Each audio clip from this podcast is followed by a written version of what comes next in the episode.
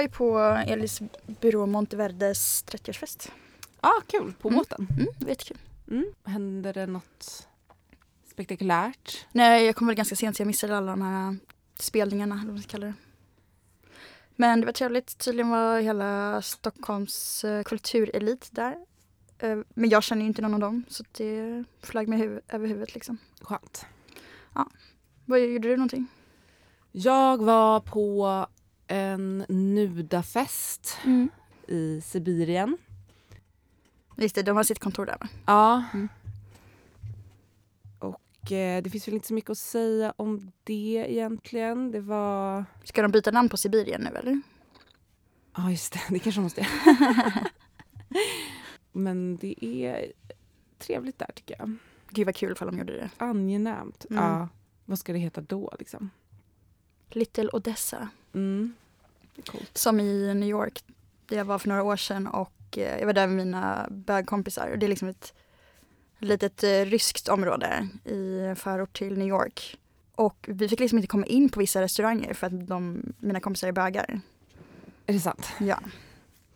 Ja, det är körigt. Mm. Gud, jag kommer ihåg när de försökte lansera området kring Drottninggatan. Jaha. Alltså övre delen av Drottninggatan, närmare Tegnérlunden, som Stockholms Midtown. Men det gick inte så bra, det fastnade inte riktigt. Nej, men det är ju typ det. Ja, men det var ju som att det var en period då Stockholm bara gjorde allt för att eh, bli mer New York. Typ så, Det är skönt att det är över nu i alla fall. ja jätte, jätteskönt. Ja. Men, kommer ihåg det här eh, galleriet Isbrytaren till exempel? Mm. Att man eh, hade rivningskontrakt för eh, coola konstnärliga kids och hade gallerier och så vidare. Nobelberget var ju samma sak. Och sen så gör man om det till loftlägenheter och så har man creddat till området. Mm. Eh, det var ju också Oscar Properties. Jag kommer ju alltid inte gilla Kungsholmen tyvärr. Det Nej, inte heller. Identitetslöst. Det är väldigt, väldigt eh, anonymt. Jag är uppväxt där. Men... Eh, Det har jag faktiskt lärt mig att acceptera att du är därifrån. ja, Men typ alla andra jag känner från Kungsholmen är bara så nobodies. Eller vad ska man kalla dem? men jag kan typ inte acceptera att jag är därifrån. Nej. Det är så tråkigt. Det är ju eh, ja, men svenniga brattar som... Brattar? svenniga brat som bor där. Typ många arkitekter. Mm. De är inte så roliga heller. Arkitekter. Nej. Det är de inte kända för att vara det. Nej. Jag kommer ihåg att... Eh, Gillar en- matte liksom. Ja, men det är också någon slags kombo av... Man vill typ egentligen vara konstnär, men man är inte det, men någon slags in-between. Och man får göra så flummiga saker. Eller jag, det jag har förstått är att eh, Sveriges arkitektutbildning på KTH är mycket mer konstnärlig än an, i andra länder som Mm. är mycket mer ingenjörsinriktad. Mm. Men eh, jag pratade med en kompis som berättade att en av de första grejerna hon fick göra när hon började där var att dissekera en apelsin.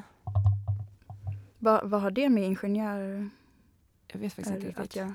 När man skulle dissekera i skolan fick vi göra det på ett koöga bland annat.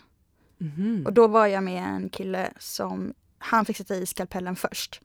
Och då sprutade det upp en juice.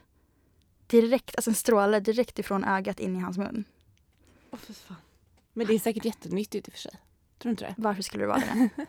Gud, det fanns en dokumentär för massa år sedan om han som fick eh, Nobelpriset för att han hittade anledningen till galna ko-sjukan. Mm. Som hade varit på någon sån här pygmé-ö någonstans. Och hittat någon stam som äter eh, kohjärnorna. Och då var det ju främst eh, mammorna och barnen som fick äta det. Och de fick ju galna ko-sjukan då. Men han var också så superpedofil och låg med bara barnen. Adopterade typ så här 30 barn därifrån. Som han tog med sig till typ England eller var det var han var från. Ew. Mm, Han förenade nytta med nöje. Liksom. precis. Blev man galen av galna? Jag tror det. Jag, tror jag, hör- jag hörde någon dokumentär om någon som hade... Alltså, jag tror man får så här mus- muskelspasmer och börjar bete sig som en mentalsjuk person. typ. Mm. Börjar bete sig som en Ja, man kanske inte ska mata kossor med kossor. Det är väl, känns som en ganska så här basic grej. För det var ju det, alltså att kossorna blev ju själva kannibaler för att man malde ner pulver av andra djur. Ja men jag tror man gör det till grisar fortfarande va? Ja, var det det som ledde till svininfluensan? Nu är det verkligen snillen spekulerar. Men då, ah, just det. Jag vet inte. Jag bara svin, jag bara det är fåglar. Helt hjärndöd. Oj. Eh, nej, jag vet inte. Jag menar, det är ju Kina oavsett. Som vanligt. Mm. Gud, innan jag kom hit så såg jag en, eh, en post på Instagram som var från Twitter såklart. Som handlade om nya omslaget till El Russia. Ja, Så vad har är det de- på det då? Det var med eh, Vincent Cassel och Monica Belluccis underbara vackra dotter. Mm. Och längst ner står det Generation Z. Make, make the world great again. Eller någonting. Eh, och då har de fått jättemycket kritik för att eh, de använder den nya fascistsymbolen Z. Okej. Är det en fascistsymbol nu alltså? Ja, Z är det. Mhm. Men att man då inte kan ens använda Generation C som ändå är ett, en term eller ett koncept som eh, förenar en hel generation. Jag tyckte att det var lite overkill eftersom att Z fortfarande bara är en bokstav. Verkligen. Men eh, det var många som var upprörda över det i alla fall. Mhm. Körigt. Mm, verkligen. Vadå, ska man säga zoomers istället? Det är så jävla taskigt. Nej, men det är också ett Z. Så jag menar, det är inte så konstigt ifall de skulle få för sig typ byta namn på Sibirien nu också i och med att Kefir har också blivit borttagen ifrån Arlas sortiment. Just det. Jag såg en dokumentär om Zelensky, hans rise to power. Mm. Som basically bara var att han spelade president och sen blev han president och vann eh, med 73 procent, vilket är en helt... Du vet att hans eh, pa- politiska parti är döpt efter hans roll i, i den här tv-serien som han blev känd för precis innan. Ja, just det. Folkets tjänare eller vad den hette. Det är körigt. Jag har inte kunnat släppa det du nämnde i förbifarten i ett tidigare podcastavsnitt. Mhm. Att han är en pappet. Ja, eller hur? Jag får Ja. också bli mer och mer övertygad om det. Det är för bra för att vara sant. En pappet från väst då. då. Nej men eh, det är så... Jag råkar ju dock kalla det för mappet, vilket var fel. Det är typ roligare. ja och så sitter man och tittar på så shower som han har gjort när han typ så spelar musik med sitt kuk på ett piano och eh, mimar till Har han gjort det? All the single ladies. Ja, Han spelat piano med sin kille? ja du vet när Havana, Havana. Han är ju ljud, Så talangfull. familj. Verkligen. Mångfacetterad. Mm. Men alltså han är om han är judisk så är det lite konstigt tycker jag det här med att de har så mycket nazister som hänger runt i Ukraina. Ja, precis. Han har ju också tagit bort alla oppositioner, alla andra partier. Alltså han har ju förbjudit kommunism i... Och nu vill han ju ha fredssamtal med Putin i Jerusalem av alla ja, ställen. jag såg det. För det är så nära och bra. Mm. Alltså jättekonstigt. Det känns bara så himla show-off. Men han är ju också theater kid, literally. Ja, ja. Han spelar rollen som president på riktigt. Men eh, min kompis har haft en ukrainsk familj hemma ett tag och de sa ju att de bara är irriterade på honom. Alltså de tycker att han har Ja. provocerat fram det här kriget. Och det är ju det vi har diskuterat tidigare. Att han har kört på med att närma sig EU, NATO och så vidare utan särskilt mycket hänsyn till vem man har som motståndare, Putin som har jävligt mycket mer erfarenhet än vad han har. Han har ingen erfarenhet av politiken alls. Men det är så många som inte har det. Titta Ja. bara på Sveriges riksdag. Sant. Beatrice Ask, justitieminister, har gått två år på Är hon frisörlinjen. är hon fortfarande justitieminister? Nej, hon var det. Men frisörlinjen. Mm. Och hon ha- hade hand om Sveriges rikes lag. Mm. Det är körigt som fan. Zelenskyj har i alla fall en juristexamen. Det är alltid något. Gud, apropå titlar och eh, utbildning. Mm. Så lyssnade jag på språket i P1 häromdagen. Trevligt. Och då var det någon som ringde in och eh, ville prata om eh, utfyllnadsord. Att det skulle finnas någon sån här klassfråga fråga i det.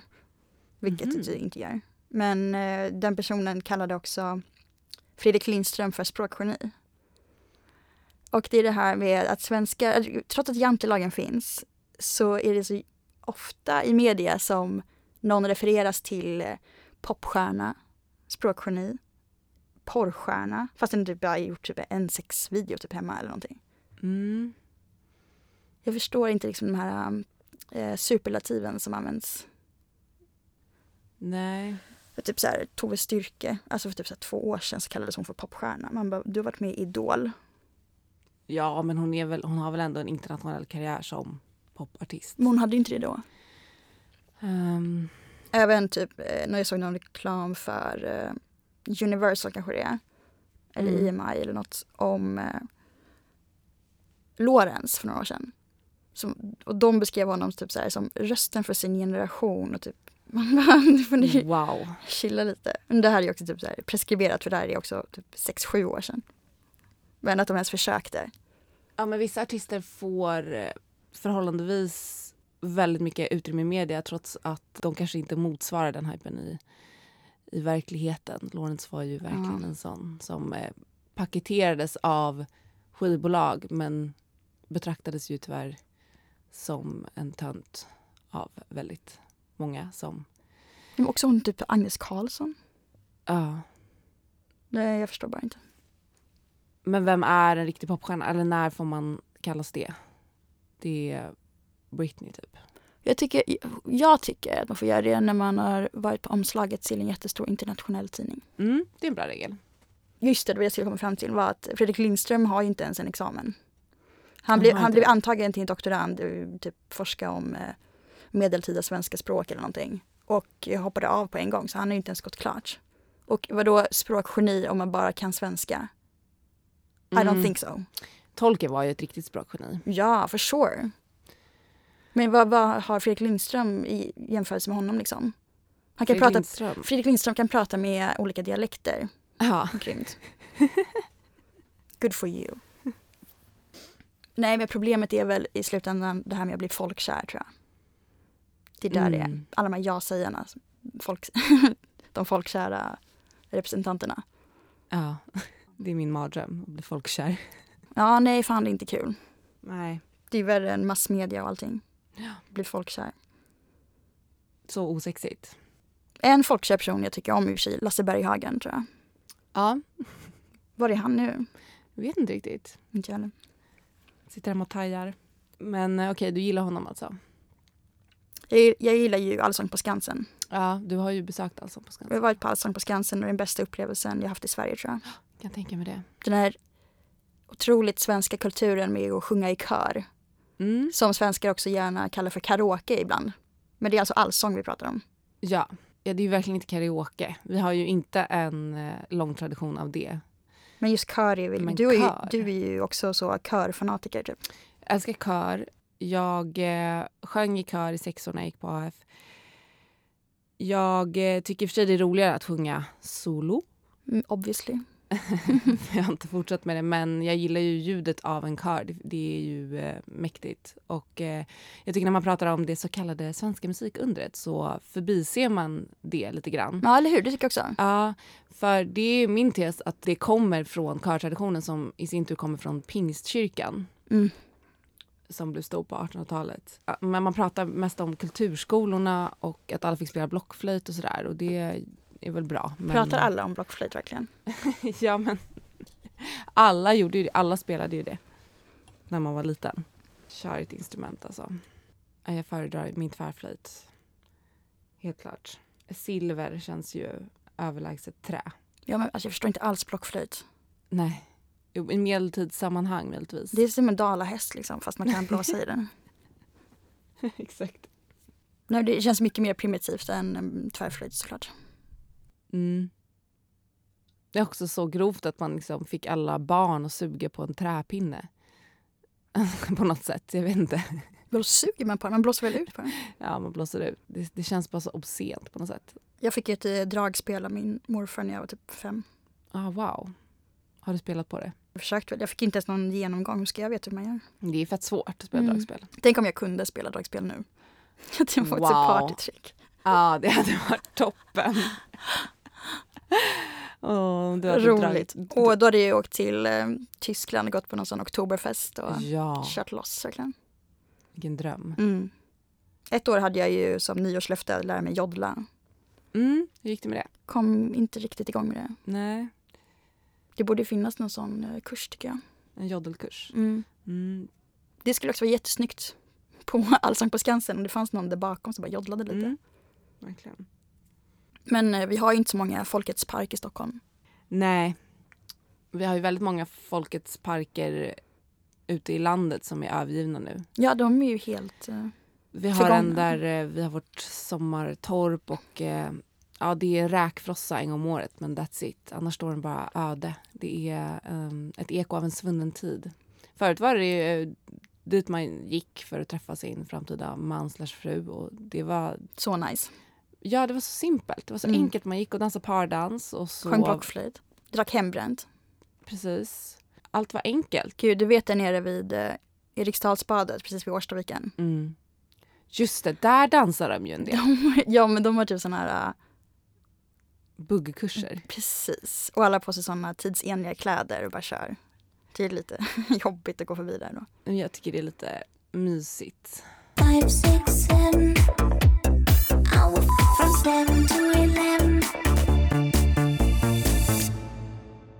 Jag fick precis eh, reda på att Klarna under en tid har eh, ett spel i sin app för att öka, eller som ett kreativt incitament att bli mer ansvarstagande över sin ekonomi. Mhm. Så när man har betalat klart alla sina betalningar så får man då tillgång till de här spelen. Som då är ett retro-rymdspel om astrologi.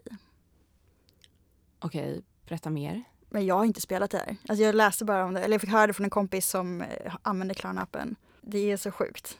Att typ så här, eh, belöna sina kunder med ett sånt spel i appen. Liksom. Med astrologi. Jag tror att det fanns typ tre olika spel eller någonting. Men eh, de, är verkligen rätt i tiden med den sin... Den nya andliga vågen. Ja, precis. Det känns lite motsägelsefullt att det är de som driver in en i skulder och sen ska man då botas på deras plattform och inspireras av Och dessutom gör då spel väl också ett beroende. Exakt. Skitsmart. Det är det, det är liksom rätt målgrupp som de riktar in Ja, sig ja, det är skitsmart. Det är också hemskt att vi har nämnt dem i varje avsnitt. Ja, ja, vi har ju pratat mer om dem än om Kina. ja, det får vi ändra på. Också att de finns under eh, kategorin betalningar. Så det är inte som en egen kategori utan man måste gå in på betalningar för att hitta spelen. Det känns också som en eh, märklig lösning att lägga massa pengar på att utveckla ett eh, fucking rymdspel istället för att bara sänka påminnelseavgiften. Baby, ooh, baby, baby, ooh, ooh. Jag har ju eh, haft lite ångest de senaste dagarna. Inga konstigheter. Eh, sådär. Jag eh, spelade, drack lite alkohol, fick ångest av alkoholen. Jaha. Sånt som händer. Eller jag håller på att undersöka nu hur det är att leva med att eh, drabbas av det då och då och vara nära ångesten. Och eh, jag inspireras av eh, min favorit Lars Norén som eh, skriver att man ska bära sina bördor med stolthet. Ja, Det tyckte jag var väldigt fint. Så jag jobbar på det. Eh, men det och- behöver ju inte betyda att man måste prata om det hela tiden. Nej, precis. Men det som jag gör då när mitt liv är lite krokigt och som jag tycker är väldigt skönt. Dels att läsa på självbiografier gillar jag och dagböcker. Men att lyssna på intervjuer Mm. med eh, olika personer Mm. som beskriver sina liv. Det kan jag tycka känns väldigt betryggande på något sätt. Att bara sjunka in i någon annans livsöde. Och jag har de senaste dagarna gått igenom eh, Katarina Har möter. Och Katarina Har var ju då en journalist på P1 som tyvärr dog förra året. Mhm. Väldigt plötsligt. Det står inte någonstans hur hon dog, hon var 60. Eh, Och det vet man ju vad det brukar betyda. Men vi får hoppas att hon inte tog livet av sig. Men hon finns i alla fall inte längre. Och hon Ja. blev blind när hon var i 30-årsåldern. Mhm. Varför då? Ja, för att hon var den första i Sverige att göra en horninne Aha. transplantation. Mm. Men sen så började då näthinnan lossna, eller vad man nu säger. Ja. Så hon förlorade helt enkelt synen och hon har själv sagt den som inte ser lyssnar bättre. Och det tycker jag stämmer i de här intervjuerna. Jag tycker att hon... Eh, det känns som att de som intervjuas kan känna sig väldigt avslappnade och hon är bra på att lyssna helt enkelt. För Ja. att eh, hon kanske fokuserar mer på det sinnet så att säga. Och jag upptäckte då att det finns personer som inte har ångest. Som slipper det här. Mm. För hon har ju mått dåligt och därför så pratar hon ofta om det och frågar om den här personen då mått dåligt av något slag. Så jag tänkte göra ett litet eh, quiz med dig och eh, säga några namn. Och eh, inspirerad då av eh, Filip och Fredriks gamla lek Bra eller anus så tänkte jag kalla den här för ångest eller anus. För att det som är lite provocerande då med de som inte har ångest är ju att man blir såklart avundsjuk för det verkar som ett skönt liv. Men är det möjligt att skapa stor konst? Jag vet inte. Eller är allt som kommer ur en skit? Är de här kreativa personer eller? Ja, det kan man väl säga. Ska jag tillägga då att jag lider väldigt sällan av ångest? Om, Ja, du är en sån. ja. Okej, men eh, vad skönt. Grattis. ja, tack. Men jag har ju också en kompis som inte någonsin hade ångest förrän den personen insåg att den hade ont i magen ah. och kunde koppla det till att det var ångest. För den, visste, den känner inte till de symptomen. Liksom, det tar ju olika på olika. Ja, det uttrycker sig ju individuellt för Mm. många. För mig så är det att, det att jag inte kan sova. Men du Mm. har i och för sig också insomnia, men det beror på andra saker då. För att du sitter uppe och läser forum på nätet kanske. Ja, sitter och hackar. Hackar. Mm, Mm. det är det. Leken går alltså ut på att du säger ångest om du tror att det här är en person som har ångest. Ja. Eller anus om den inte har det. Och vem är det som bedömer det? Har de sagt det själva eller? De har alltså sagt det själva i Ah, intervjun. Mm. Första namnet är Stellan Skarsgård. Nej, jag tror inte han har det. Det var rätt! Yes. Grattis! Det var alltså anus på honom. Han eh, upplever att han är en eh, glad typ som eh, inte verkar ha så mycket eller någon erfarenhet av det. Och jag tycker man kan höra det på folk. För om man, som jag har gått igenom väldigt, väldigt, väldigt svår ångest. Mm. Så, så att på den grad att man måste söka eh, hjälp av läkare. Så hör man ju också om någon vet vad det innebär eller inte. Mm, mm, mm. Eh, Och han är skonad från det. Okej, Mm. andra namnet. Karin mamma Andersson. Eh, svårt. Nej, jag tror typ inte heller. Det var fel. Ja. Hon har ångest. Ja. Hon berättade att hon fick ångest när hon var mamma och eh, hade nattat sina barn, eh, Rulle och Valle. Och eh, fick FOMO för att alla andra unga personer, hon var ung mamma, var ute och festade. Men annars hade hon inte kunnat heta mamma, eller? Hennes artistnamn hade inte funkat annars. Nej, det är sant. Om man inte var mamma. Mm, Precis. Nästa namn är Marie-Louise Ekman. Ja, det tror jag. Fel! Hon har inte? Nej, hon har aldrig något problem med att komma upp på morgonen, säger hon. Men vadå, är ångest bara att komma upp på morgonen? Eller det är Nej. hennes fråga i det här radioprogrammet. Ja, men hon brukar ofta fråga som eh, någon slags lackmustest. Har du svårt att komma upp ur sängen? Men det kan man väl ha en, alltså, oavsett? Ja, men på grund av att man inte ser någon poäng eller att man har... Jaha. Mm. Nästa namn är Sigge Eklund. Mhm. Jag tror att han vill ha ångest. Ja, Han vill ha men det. har han det? Eh, jag vet inte. Säg. Vad är ditt slutgiltiga svar? Du måste gissa på ångest eller anus. Eh, ångest då? Nej, det är Han anus. Han säger att han är eh, lyckligt lottad kemiskt. Han har Just aldrig det. upplevt ångest. Ja, det är därför jag har så mycket gemensamt med honom. Mm. Grattis till er. Mm. Och sista namnet är Jakob Myllrad. Ja, han har jättemycket ångest. Det stämmer. Mm. Okej, två av fem. Yes. Ja, det var bra kämpat. Ja. Eh, Det känns konstigt att behöva bedöma folk utifrån deras psykiska hälsa. Typ. Konstigt. Ja. Det känns Eh, fördomsfullt. Ja, men också intressant tycker jag att det finns en dimension som man aldrig är med. Alltså det, det här ångestlandet som vi som har det vistas i. Att de inte har access till det. Nej, det är sant. Men, Men, skönt i och för sig. eh, det är ju väldigt mycket snack om ångest hela tiden tycker jag. Ja. Det är för att det är många som har problem med det. Men eh, mamma Karin Andersson de där har väl sån tryffelhund va? Mm. Precis. Jag, jag tycker att tryfflar är så jävla överskattat. Jag tycker det är gott. Den smaken är så väldigt överväldigande och är alldeles för hypad tycker jag. Så vi var inne på Kajsa Warg, den där uh, matbutiken. Mm. De har en sån tryffelolja för typ 300 kronor och den innehåller 95% solrosolja och sen så är det typ 5 smakersättning. Nej, 99% solrosolja. Perfekt. Nej men det är ju eh, jättegott att ha en riktig faktisk tryffel att hyvla över pasta.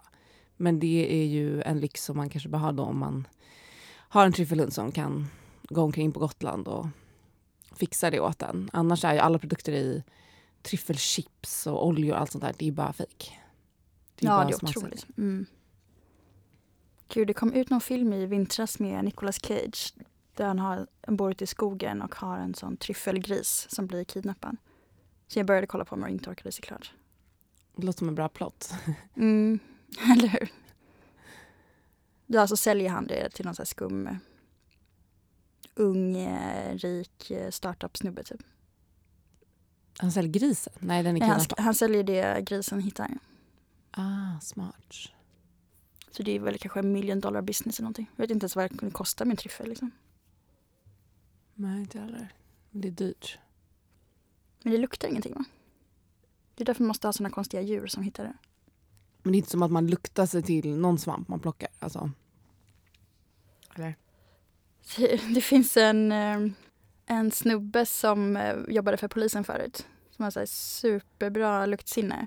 Han var med under helikopterrånet. Och typ så här, lyckades spåra dem med sitt luktsinne av något slag. Va? Ja, Vänta, han var, med, han var utredare under, alltså skulle lösa helikopterrånet. ja med sitt luktsinne. Så de använde honom istället för en schäfer. Typ. Ja. Det här är helt sjukt. Det Mm. här var, Jag tror han hette typ Conny eller någonting också. Och han, hade inte varit, han var ganska så här medi- alltså mycket i media då när det hände. Men nu är han, men vad Gått lite luktade mer. han sig till då? Alltså, men han luktar väl på kläder eller någonting. Typ. Eh, han borde ju istället jaga tryffel då kan man tycka. mm. Om det kanske är bättre pengar.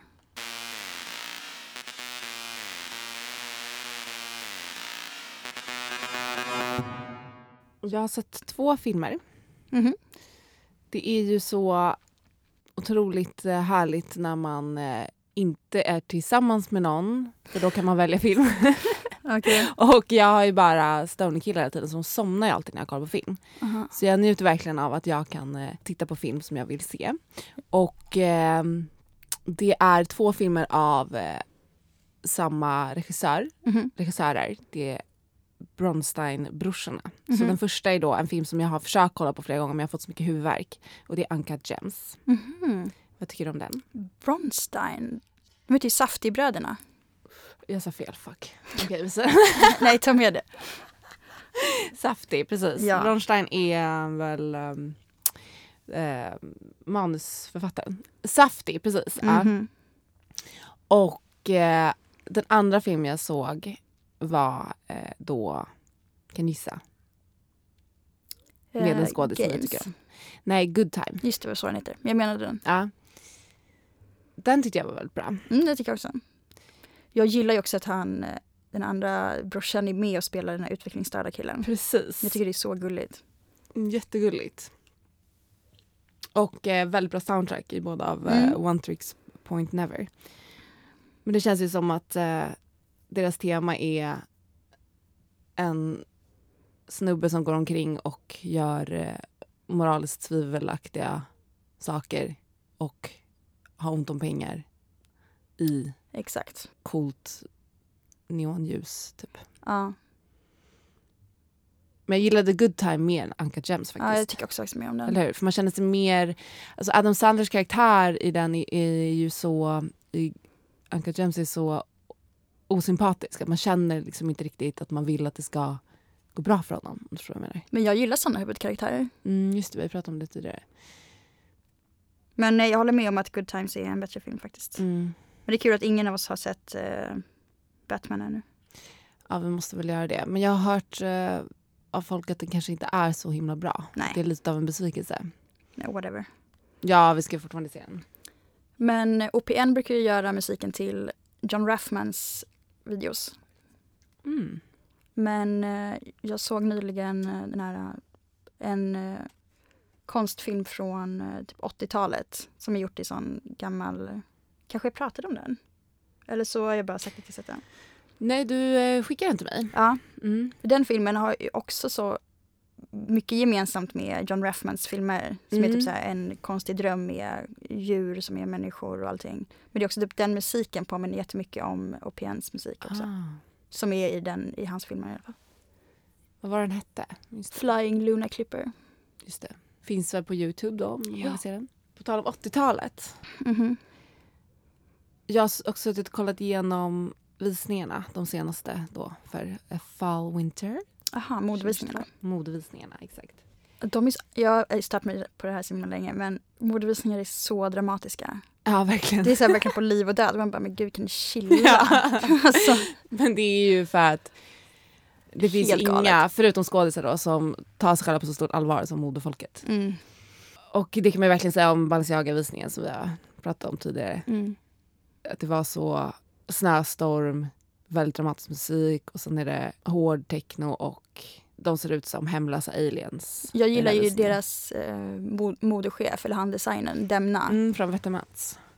Vad sa du? Hade hade Ja, han ju men han älskar ju också Rammstein. Ah, De gjorde ju en Rammstein-kollektion för Balenciaga Det visste inte jag. För typ ett år sedan. Mm, väldigt cool. Är den snygg? Precis som vanlig merch typ. Mm. Och det är det som han, din favorit Travis Scott har på sig också.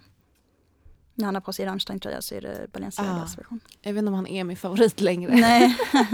Det, är, det är mycket vatten som har flutit under broarna. Mhm. Fick du ut någonting om att kolla på de här modevisningarna? Ja, alltså att 80-talet verkligen är närvarande. Framför allt i den här Gucci Adidas collaben då. då. Mhm. Och i eh, Versace som jag ju gillar. I den visningen fanns det med också.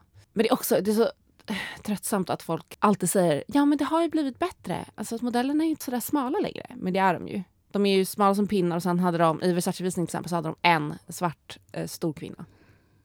Så Ja, det var det. Det är så taskigt. Då kan man inte bara ta en smal. Ja. Och det är alltid sådär. Det är också typ att de, de eh, kurverade personerna alltid ska ha så här minst kläder på sig. Ja, och så är det bara Otacksamt. en och alla andra är, Ja. har lår som är stora som eh, anklar. Ja. Men jag hade ju då en liten eh, minidepression när Mm. jag var 14 Mhm. över att jag precis hade missat 80-talet för vi föddes ju då 91. Mhm. Och jag kollade på Breakfast Club om och om igen och eh, var så ledsen över detta. Alltså, Alltså jag kan när- inte alls relatera till det. Jag hatar 80-talet mest av allting på hela jorden. Ja, för det tror jag är en eh, vanligare åsikt att ha. Sjukhusgardiner, du vet, konstiga prickiga mönstret. och Bara, Ja. Nej, jag förstår inte alls. Också att du verkligen fortfarande typ sörjer det här. Men lite att synten blev stor, elektronisk musik och att det bara var högkonjunktur och alla bara tog ladd och Men det visuella då? Den visuella kulturen med frisyrerna, sminket. Ja, men det, är det, det var ju inte bra. Eller vi har inte kunnat uppskatta det förrän nu tror jag. För nu har vi distans och vi är på motsatsen, vi motsatsen av en högkonjunktur. Alltså, det är det här jag också är lite deppig över kanske. Att vi som är födda 91, samma år som Nirvana släppte Nevermind. Hela 90-talet då präglas av grunge, någon slags samhällskritik som en kontrast till det här eh, glammiga. Och sen kommer 9-11 och eh, USA går in i Afghanistan och Irak och allt det där. Och sen finanskris, pandemi, krig. Vi har aldrig fått ha ett sånt decennium där allting bara var toppen. Även om det kanske inte var det under ytan så kunde man i alla fall leva som att det var det. Det var ju toppen 2007. Typ. Ja, det är sant i och för sig. Men, men var- jag har tänkt på, vi jag kan ju inte jämföra dig med de som är unga idag. Liksom. De har det ju ännu värre. De har ju det. Det är det som är så hemskt. Det blir bara värre och värre. Ja. Och 10-talet var väl kanske, ja, det var ju också hemskt för att det var som att vi levde som att allt var bra men vi visste att det inte var det egentligen. Men var inte 80-talet så också då? Jo, kanske. Och mamma sa då till De mig hade ju också kalla 14, kriget liksom. Hon bara, du missar inte så mycket. Men däremot så hittade jag ett gammalt klipp på Youtube från klubben Trocadero som låg i Malmö där mamma jobbade. Mhm. Det var en så kändisställe. Det var senast Malmö var coolt typ. Men det borde ju uppenbarligen stockholmare där då också. ut för. Ja, det var ju en massa stockholmare där. Det var ju eh, Sveriges kändiselit och så vidare och dragshower och så- och det var en helt otrolig inredning. Det var så kul att se klipp in från den här klubben. Alltså de, DJ-båset var bara som en stor orgel med ljus och eh, du vet så här riktig Studio 54-vibe. Liksom, med Mhm. balkonger och så otroligt överdådigt. Det är synd att man inte gör såna klubbar längre. Det inte finns. Och speciellt inte i Malmö. De har väl inga klubbar? Nej, jag har ingen aning. Nej, jag bryr mig inte. Eh, nej, jag såg precis, jag fick upp en reklam för uh, Norra Latin i Stockholm. Att de har blivit det första boutiquehuset. What the fuck? Är inte det typ konferenslokaler eller? Det är någon så här uthyrning till så här bröllopsgrejer och sånt där nu. Såg, eh, det var en konstig kontrast med liksom arkitekturen inuti och att det är så här typ heltäckningsmatta och typ så. För det är väl en gammal fin byggnad ändå? Ja, jättegammal fin. Men vad fan menas med butik? Hus. Hus. Jag har ingen aning. ja, men apropå Malmö så var det ju den här äh, våldsbrottet som hände där. Som Ja, media rapporterar Fy om. fan. Våldsbrott. Våldsbrott, två lärare blev mördade. Men de säger inte media hur. Men Nej, men jag spenderade ju hela den kvällen på Flashback såklart. ja, och det var en yxa som de dog. Som blev Eh, ja, men eh, det som hände på Flashback var ju att de dödsförklarade Saga Becker ganska snabbt. Alltså hon eh, skådespelerskan som fick Guldbaggen typ något år. Och Det är ju lite random. hon behövde ju då gå ut i sociala medier och dementera det och skriva liksom att hon mår bra och är typ i Blekinge någon annanstans. Liksom. Men hur drog de den slutsatsen? Jag vet inte om det var någon som länkade att den här skolan som det hände på, Ja. eh, Malmö latin, eller vad hette den? Ja, whatever. Malmö latin tror jag den hette. ja. Att eh, de hade haft ett, en föreläsning där för typ ett år sedan. Och sen så var det någon annan som drog slutsatsen att eh, det fanns, kom upp en video på någon som hade eh, filmat inifrån ett café mitt emot skolan när eh, eh, de kom ut med en bår från skolan till en eh, ambulans där det var en person som såg ut som Saga Becker tydligen. Men det var också typ totalt omöjligt att avgöra utifrån filmmaterialet. Liksom. Hmm. Så det var ju väldigt mycket kaos i och med att också inte media inte rapporterade, gav ut någon information överhuvudtaget. Så att eh, Flashback gick ju vilt. Och Det var ju så här typ en halv miljon personer som var inne och läste samtidigt. Just för att det inte fanns någon annan information att tillgå av liksom. Men det fick mig att tänka också på typ andra internetfenomen som typ med Boston maratonbomberna t- 2013. När eh, Reddit då skulle visa typ sina, sin hjältesida och eh, eh, försöka komma på vem det var som hade vad heter det, konspirerat bomberna i, under den eh, terrorattacken. Och de, tog, de, kom, de bara här nämnde någon helt random kille som inte ens var delaktig i det överhuvudtaget. Eh, och det blev sånt pådrag på honom att han eh, begick självmord tror jag. Ja. Är eh, att det blir en sån, eh, det blir sånt pådrag på nätet när folk vill vara, vara delaktiga i någonting, typ visa att eh, de kan, eller att de är först med nyheten på något sätt. Och jag tror också det är varför jag inte är med på Twitter till exempel. För där, så fort det händer någonting så är det ju typ tusen journalister där som ska försöka hitta personen som mm, är typ nära vittnet till något eller oavsett för att kunna få en så här vittnesrapport om någonting. Det blir Ja. sånt himla eh, korståg till alla de här personerna. Liksom. Men speciellt när det är liksom så anonyma personer som inte har någon erfarenhet eller någonting överhuvudtaget och kunna eh, ge någon expertis eller typ sanningsenlig information så blir det ju katastrof. Nu var ju som tur var Saga Becker typ tillgänglig vid den tiden så hon kunde ju gå ut och dementera det efter bara typ tio minuter. Mm. Det är ju som, i Sverige så har vi ju ingen sån riktig hackergrupp som till exempel Nordkorea har ju en statlig hackergrupp som heter Lazarus. Som förra året drog, eller stal 440 miljoner dollar i kryptovalutor. Liksom. Jag såg att Anonymous också hade stulit ethereum från Från vem då? ryssarna. Ja, Det är det. baserat i Ukraina. Det är ju toppen. Eh, hela grejen med att Nordkorea går in och liksom snor eh, kryptovalutor är ju att alla håller på att säga att det är omöjligt. Eller som bara att folk har blivit av med sina NFTs nu. Så det ska vara så här helt omöjligt att eh, stjäla och sådär. Alltså folk jämför det typ med Titanic som var typ så här osjunkbart. Mm. Men liksom allting går ju att typ förstöra om man vill det. Plus att det existerar ju inte ens i verkligheten. Det är inte en fysisk eh, vara liksom. Nej. Så det är klart att det går att hacka. Men eh, det roligaste med allting det är ju de som är superrika på bitcoin idag. För att de var ju jättetidiga med att investera i det 2007, 2006. Och de är ju alla, mm, jag skulle vilja kalla dem kriminella. För det var de som gjorde droghandel och sådär och använde det som betalningsmedel. För att den var så, det var ju det enda sättet de kunde göra det typ anonymt. Mm. Men det jag gillar att göra är också att vara på internet och läsa folks berättelser om deras förluster. Typ att de har blivit av med någon sån. Jag hade en hårddisk med eh, typ 300 bitcoins på och nu kommer jag inte in på den och typ sånt där. Det ger mig typ stor glädje att tänka på att det är så många som liksom tänker på hur livet hade varit för de bara hade typ kunnat tillgå de där eller inte hade köpt en pizza för tusen bitcoins. Alltså då hade de ju varit så här miljardärer idag ifall de inte hade gjort det. Ja, det måste finnas så många bortglömda bitcoins som bara ligger och skvalpar där. Mm. Ja, men det är som han eh, grundaren. Den hemliga Mm. Sakamoto, hette han det? Jag minns Nej. inte, men något japanskt. Att han har väl typ någon så här miljard i bitcoins. Fan vad chill.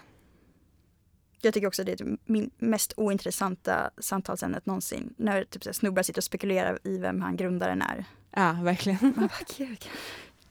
Jag hörde en teori om att en konspiration om att det här att bitcoins eller krypto är den federala banken som liksom är med på det. Ja, just det. Mm. För man hade liksom inte tillåtit en sån stor utmanare av det traditionella banksystemet om man inte hade någon egen vinning i det. Ja. Men vad vet jag? Ja, men var det den här Lazar som också hackades in i Sony? Kommer du ihåg det? ja, det var det. Mm. Så efter att, vem var det som gjorde den här filmen? Det var ju eh, James Franco och eh, Just det. Seth Seth Rogen. Rogen såklart. Ja, precis. Det är Lazarus som då hackade Sony. I- Det är ganska LOL. Jag tycker det var lite kul ändå. Ja, de har ju gjort roliga saker. Men det är som Anonymous Origin Story. Att de bara gjorde så här dumma grejer från början. För de eh, startades på 4chan Mm. i eh, forumet B. Som jag hängde i när jag var 12 år gammal, precis när det startade. Och liksom brukade vara med i de grejerna som de gjorde då. Eh, vilket var typ att invadera Habbo hotell med en och samma avatar. Och typ sådana så dumma grejer. Men sen så blev det lite för komplicerat för mig så jag eh, var inte delaktig i det där senare. Men också se utvecklingen hur typ sådana anonyma communities på internet bara blir någonting som blir liksom stort och typ tas på allvar i media. Som, eh, jag menar att Anonymous finns nu, är liksom typ accepterat, inte respekterat kanske, men de gör ju också typ så bra saker. Ja, men inte det är en ganska vanlig resa för en hacker att man börjar på den kriminella sidan och sen gör man... De är fortfarande kriminella rent tekniskt i och för sig. Men, eh, Ja, ja de gör ju också alltså, typ Och sen blir de anställda av något eh, bolag och tjänar jättemycket Ja. pengar. Men typ Anonymous gör ju också typ svintöntiga grejer. Get a life typ. Men eh, eh, jag kommer ihåg när liksom 4chan nämndes för första gången i media. Mm. Och det var i och med att den här, um, ett av de största tech-universiteten i USA, MIT. just det, det var ju en eh, school shooter. Man kan vara det när man är typ så här universitetsantagen.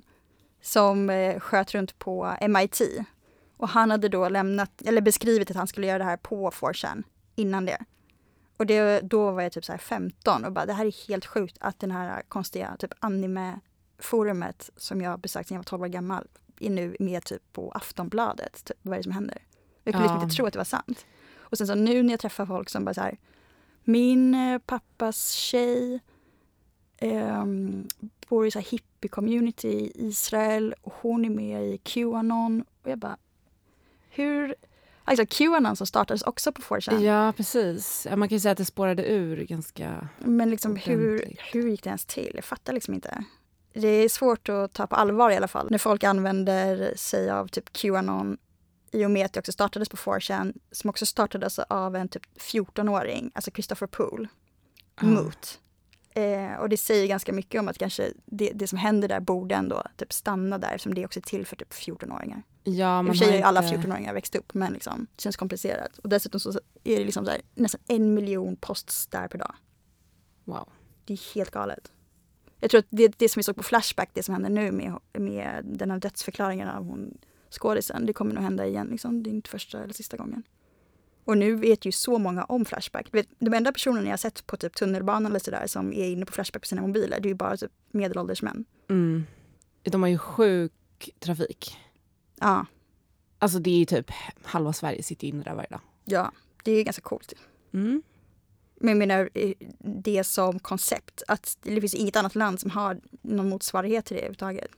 Nej, och de har ju servrar utomlands för att liksom kunna fortsätta driva som Pirate Bay då, då som Mm. kör mirror sites nu. Lite varstans. Men du har liksom alltid kört de här mirror-sidorna. Jag har bara använt vanliga. Ja, de låg, men det var för att de låg ner under ett tag så då började jag göra det. Men de finns kvar. Mm. De är tillräckligt smarta för att eh, se till att de är, kommer undan lagen på det sättet. Men Vet du, jag sökte på DDoS-attacker. DDoS. DDoS. Mm. Det är eh, den här vanligaste attacken som typ hackare gör. Där de bara skickar Mm. massa signaler till eh, någon server så att eh, hemsidan tas ner för att den typ så här konkar eller vad man ska kalla det. De Ja. kraschar. Överbelastad, ja. Och det första som kommer upp när man googlar på det är ett inlägg från polisen om att ifall man gör det så hamnar man i polisregistret och kan inte få jobb eller studera efteråt. Det är gulligt typ att det, de antar att det är folk som vill utföra det som googlar det. Ja. ja, för de vet väl eh, redan hur man gör eller liksom. Ja, jag tror inte för att ifall någon som är hacker skulle använda Google Nej. till att söka på typ, här information om man har ut- gör någonting. Ja, det är gulligt. De gör vad de kan. Mm. Men de kommer inte åt de riktigt smarta hackersarna. Det är väl um, härligt ändå att det finns ett sånt parallellt ja, universum. ja, det tycker jag också. Min kära syster Freja var ju besatt av Habbo Hotel. Ja, gud. Hon kunde sitta där och spela och så kommer man in och så sitter hon så här, sju år gammal och så är det någon som bara “show me your boob”. Ja, ja precis. Gud ja. Men när jag hängde på de här hemsidorna så, alltså inte här på hotell. Det var jag tyvärr aldrig. Men jag hade så, när jag var 12 år gammal så hade jag så en hackerpojkvän i eh, Portland Mm. som var 16. Som vi brukade pr- prata på Skype med liksom. Och fick så lära mig typ de så här enkla knepen att typ skamma och typ hacka folk på internet. Och ehm, det var ju lärorikt. Har du använt dig av det? Inte mer än på typ eh, Neopets Ah, som jag brukade vara på. där hängde jag också. Jag, jag var ju väldigt så, jag hade ju jättemycket pengar, jag var jätteframgångsrik där. Ah, wow. Min, min största bedrift Mm.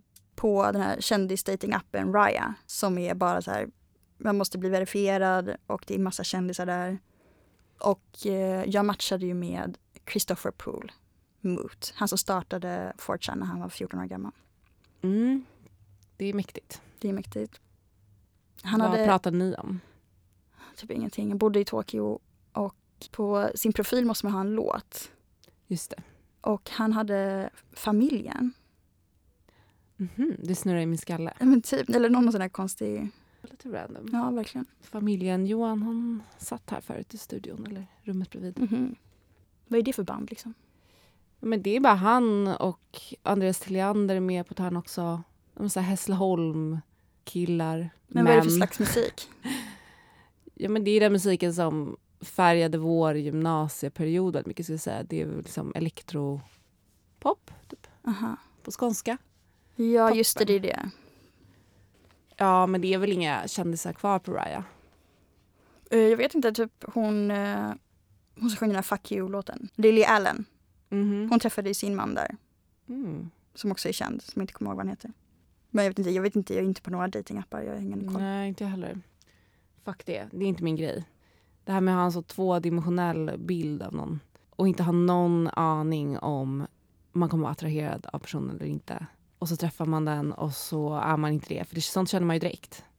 Och så måste man sitta där och dricka en öl och så är det någon slags, som känns som en jävla arbetsintervju.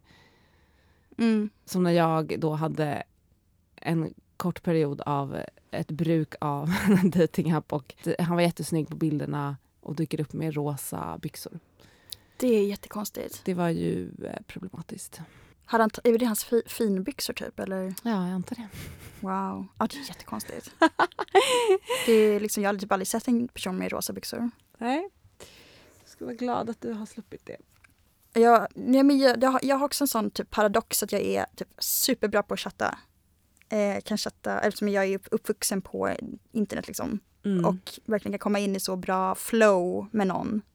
Där man bara kan chatta om typ vad som helst. Men jag har aldrig kunnat lyckas göra det med typ någon som jag är eh, intresserad av eller typ på en datingapp. Det känns helt meningslöst typ.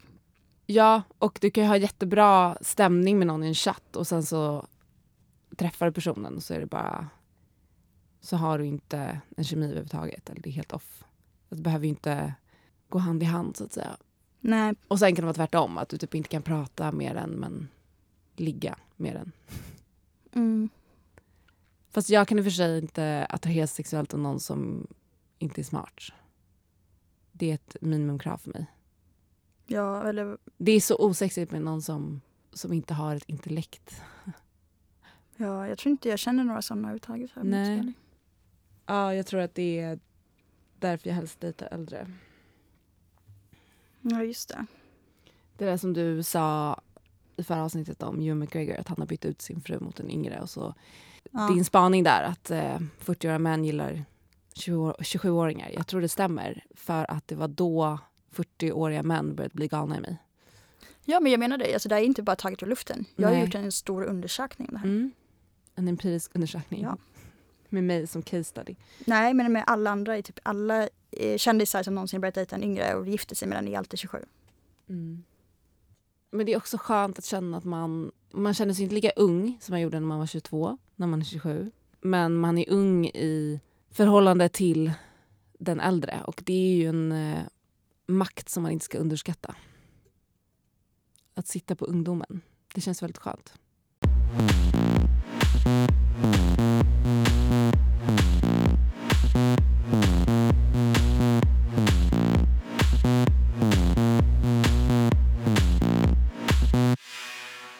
På Elis eh, 30-årsfest så var det också väldigt många som påpekade att jag hade startat en podcast och att de inte hade lyssnat på den.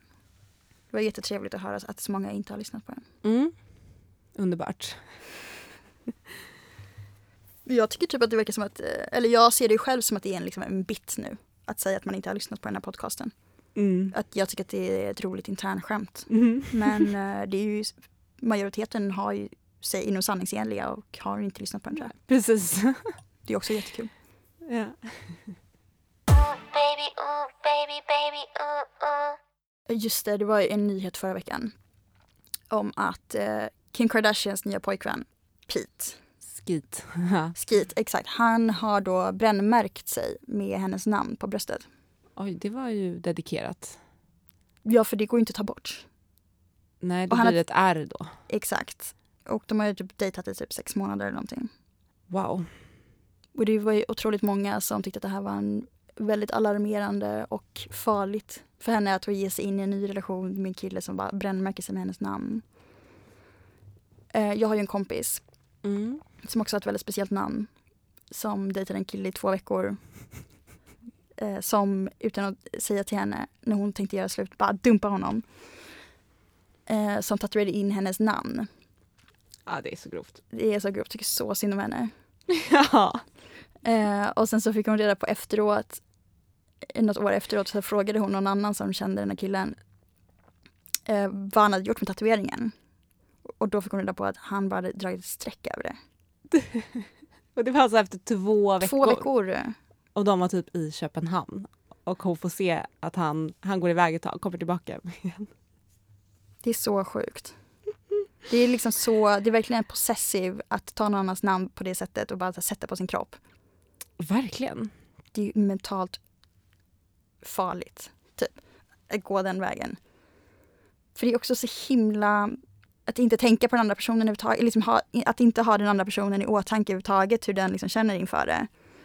Men tror du att Kim var med på det här eller var det bara att han plötsligt dök upp? Kolla vad jag har gjort. Alltså jag tror ifall, ifall hon var med honom när det hände så tror jag inte heller att hon liksom kunde uttrycka sig om det. Eller typ vet, så här, få honom att typ inte göra det. Vad ska man göra när en person är galen och liksom bara så här, jag ska göra det här. Men det är också en annan typ av smärta än att tatuera sig. Mm, verkligen. Just det, men det som hände med den här tjejkompisen. Hon fick reda på typ tre år efter att det hände Mm. att den här snubben har kontaktat hennes bästa kompis under ett års tid för att försöka få den här personen att tatuera honom för att märka hans kropp. Va? Så han har varit i hennes DMs, i kompisens, hennes bästa kompis DMs och så skrivit så här, jag vill jättegärna att du, jag älskar din konst, jag vill verkligen att du ska märka mig, jag vill verkligen ha din, eh, dina bilder på mig, typ, på min kropp. Oh, wow. Asläskigt. Mm. Stackars henne. Då har liksom förföljt, eh, förföljt den här kompisen då bara för att komma närmare och närmare. Jag känner en person som har skrivit massa kvinnonamn med streck över på armen. Alltså bara random kvinnonamn. Shit, som vad. Gud vad töntigt. Ja, det är kärigt. Det finns många köriga tatueringar där ute. Men att ha någons namn på kroppen är egentligen bara så här, att ta personen i någon slags här, under hot eller kidnappning. typ. Ja. Jag tycker inte det är okej. Alltså, I och för sig så har ju en kompis till mig tatuerat in mitt namn på sig. Vem då? Uh, min kompis Tony. Jaha, det visste inte jag. Den är inte riktigt helt, eh, det är en stick and poke. Och O är ett peace-tecken. Ah, Så det tycker jag är trevligt. det var ju fint. Mm, det är fint. Bra budskap. Precis, en helt annan eh, kontext. Mm. Jag skulle få panne om någon tatuerade in mitt namn efter två veckor. Ja, men det är ju helt sjukt. Ja. Ja, du har ju också ett väldigt ovanligt namn. Ja. Precis som den här kompisen. ja. Men bara överlag. Alltså, ge mig en ring istället. För att skriva mitt namn på din Ja, kropp. eller hur? Jättekonstigt. Här skrytgrej typ. Nej, men det roligaste med alla de som har gjort såna tatueringar, pinsamma tatueringar, Eh, det är att de alltid säger att den representerar vem jag var då och det måste jag typ stå för och vara stolt över. Man bara, varför då? Att det är ju skitpinsamt att du har gjort den här tatueringen. det blir väl cognitive bias. Så de måste Alltså ja, älska sitt forna jag. För att kunna leva med sig själva. ja tyvärr. Inbilla sig själva, gud. Men det tycker inte jag man behöver göra. Älska sitt forna jag alltså. Mm. Man kan väl bara... Nej, absolut inte. Dessutom byter man väl ut alla celler i kroppen efter sju år. Exakt. Men jag får ju panik även när jag har eh, varit på en klubb eller någonting och de vill typ göra en stämpel på handleden. Mm. För jag vill verkligen inte ha någonting på min obefläckade kropp liksom. Mm. Jag förstår det. Du har lyssnat på MGA